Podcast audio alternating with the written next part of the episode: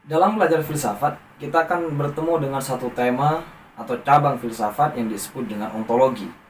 Apa itu ontologi? Kita diskusikan.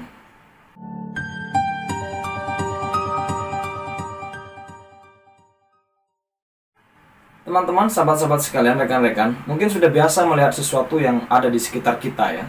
Benda-benda yang berada di sekitar kita, piring, HP, lemari, laptop, dan seterusnya. Sesuatu itu sebagai sesuatu yang seolah-olah given ya. Tetapi kemudian menjadi berbeda nanti begitu kita mempertanyakan apa hakikat dari segala sesuatu itu. Nah, pembicaraan apa yang menjadi hakikat dari sesuatu itu itulah yang menjadi salah satu topik pembahasan ontologi di dalam studi filsafat. Kita akan membicarakan itu. Nah, ontologi menurut uh, Anton Becker uh, membicarakan tentang uh, ada dan yang ada. Dalam bahasa Inggris disebut dengan being atau beings dengan s yang kedua ya.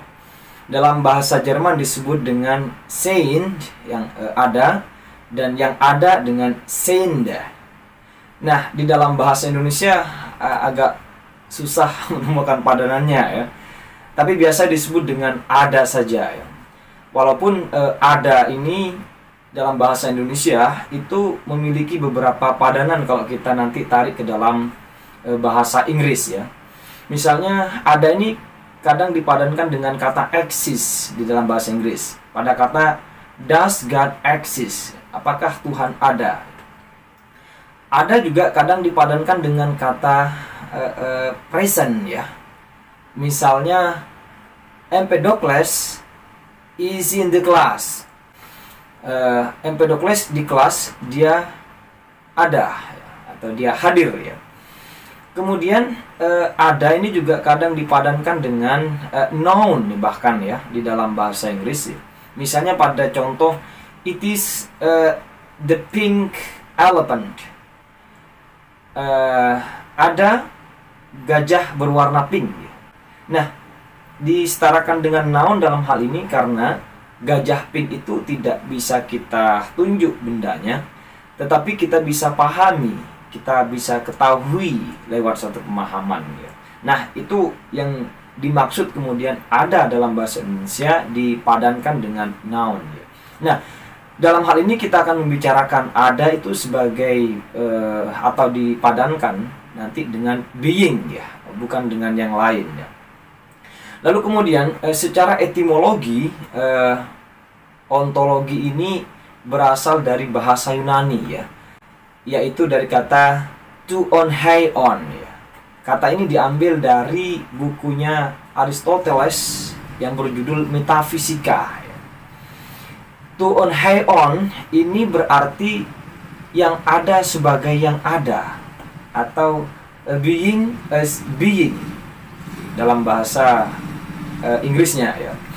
Nah, untuk memahami itu ada banyak para pemikir kemudian mencoba memberikan uh, definisi lebih jauh ya. Uh, bahwa apa? Ontologi merupakan suatu disiplin yang membicarakan tentang realitas tertinggi atau ultimate reality. Ini menurut uh, Louis Tatsov. Ya. Kemudian menurut uh, Van Pearson, uh, ontologi ini berbicara tentang sesuatu pada dirinya yang mana sesuatu ini keberadaannya tidak men, tidak bertopang kepada sesuatu yang lain. Jadi dengan demikian, walaupun ontologi ada istilah logi yang menandakan ini logos, tidak sama ontologi tidak sama dengan biologi, tidak sama dengan sosiologi atau psikologi ya.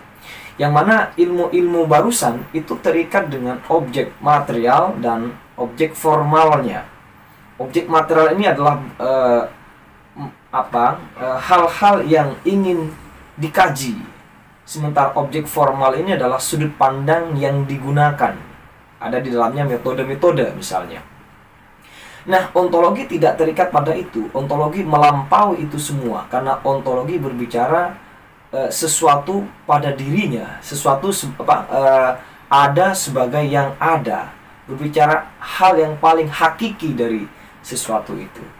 Nah, itu itu uh, pemahaman awalnya. Nah, lalu kemudian uh, kata ontologi itu sendiri uh, baru berkembang atau digunakan di dalam tradisi filsafat di abad ke-17 ya, oleh dua tokoh yang bernama Rudolf Goclenius dan Christian Wolff ya. Wolff ini nanti yang kemudian uh, membedakan ya. Memang pada abad ke-17 ini uh, ada perbedaan pendapat sebetulnya. Ada yang menyebut uh, metafisika, ada yang menyebut ontologi ya. Nah, dalam tradisi uh, filsafat analitik membedakan tuh antara ontologi dan metafisika. Ontologi ini adalah uh, yang ada tadi ya, adaan-adaan atau biasa dikenal dengan uh, esensi ya Sementara metafisika ini dikaitkan dengan uh, realitas yang lebih jauh, lebih luas dari itu ya, atau biasa disebut sebagai uh, eksistensi yang ada. Karena itu kemudian nanti Wolf ini membedakan antara metafisika umum dan metafisika khusus.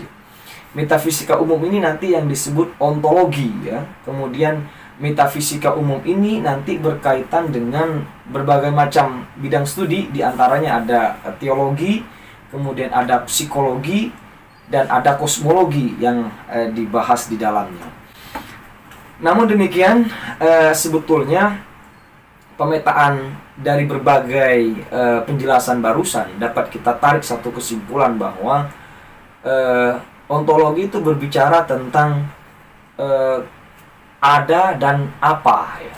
Jadi berbicara tentang realitas sebagai realitas atau ada sebagai yang ada atau hakikat terdasar dari segala sesuatu. Jadi pada uh, ada sebagai ada ini segalanya sama. Ya. Jadi contohnya begini. Ada benda, ada gelas, uh, ada gelas, ada uh, pulpen, ada buku, ada HP dan seterusnya ada kita, ada hewan, ada Tuhan, ada malaikat bahkan. Dari sisi ada, semuanya sama, sama-sama ada, mendasar nih ada nih. Nah, tetapi kemudian dari sisi apanya, nah saya berbeda dengan eh, manusia berbeda dengan malaikat. Malaikat berbeda dengan pensil, pensil berbeda dengan buku dan buku berbeda dengan eh, piring ya, atau bahkan nanti alam berbeda dengan Tuhan. Nah, uh, ontologi tidak hanya nanti berbicara ada sebagai yang ada yang paling mendasar tadi itu tetapi juga berbicara adaan-adaan berbicara keapaan ya, dari sesuatu itu sendiri keapaan dalam hal ini adalah yang membuat sesuatu itu bisa dibedakan dari sesuatu yang lain kekhasan dari sesuatu itu atau biasa disebut dengan uh, esensi poinnya adalah ontologi berarti berbicara eksistensi, dan esensi. Ini eh, pemahaman dasar tentang ontologi yang bisa saya jelaskan untuk sejauh ini. Pembahasan lebih jauh nanti kita akan coba ulas ontologi yang berkaitan dengan eh, materi yang menjadi materialisme dan kemudian ontologi yang berkaitan dengan imateri yang kemudian nanti menjadi pandangan immaterialisme. Saya kira itu untuk sementara Terima kasih.